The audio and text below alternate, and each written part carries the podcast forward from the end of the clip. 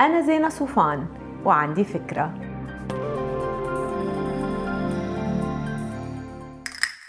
هاي في أحلى من إنه الواحد يشتغل من بيته من the comfort of your home. بتصدقوا في ناس كتير جربوا وفشلوا. يعني كانوا موظفين وبعدين بلشوا شغل حر من البيت بس لقوا حالهم بعد فترة عم بفتشوا على مكتب أو حتى على هوت ديسك صغير بمركز من مراكز الأعمال تبع الشركات الصغيرة.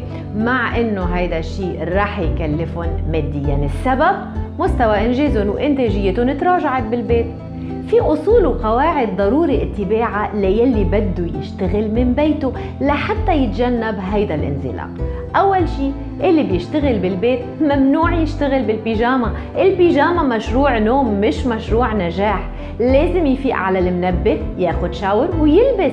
كل يوم الصبح مثله مثل يلي رايح على المكتب وهو فعلا لازم يروح على المكتب يلي عمله بالبيت.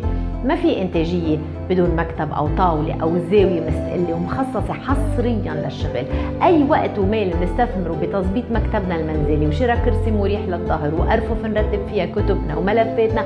راح نشوف عائد جيد على استثمارنا فيه والأهم من إنه يكون عندنا مكتب هو إنه كل أفراد المنزل يتعودوا يشوروا له على إنه بالفعل مكتب للشغل ومش زاوية مستباحة بالبيت. وكل يوم لما ندخل على مكتبنا لازم يكون عندنا جدول أو to-do list مش معناتها إنه نحن بالبيت وما عندنا مدير يعني ما في deadlines ما في شغل وإنجاز بدون تخطيط ومواعيد. وكمان مش معناتها إنه نحن بنشتغل من البيت. يعني نحن متوفرين لقهوه بأي وقت. هيدا الشيء لازم نفهمه للأهل وللأصحاب.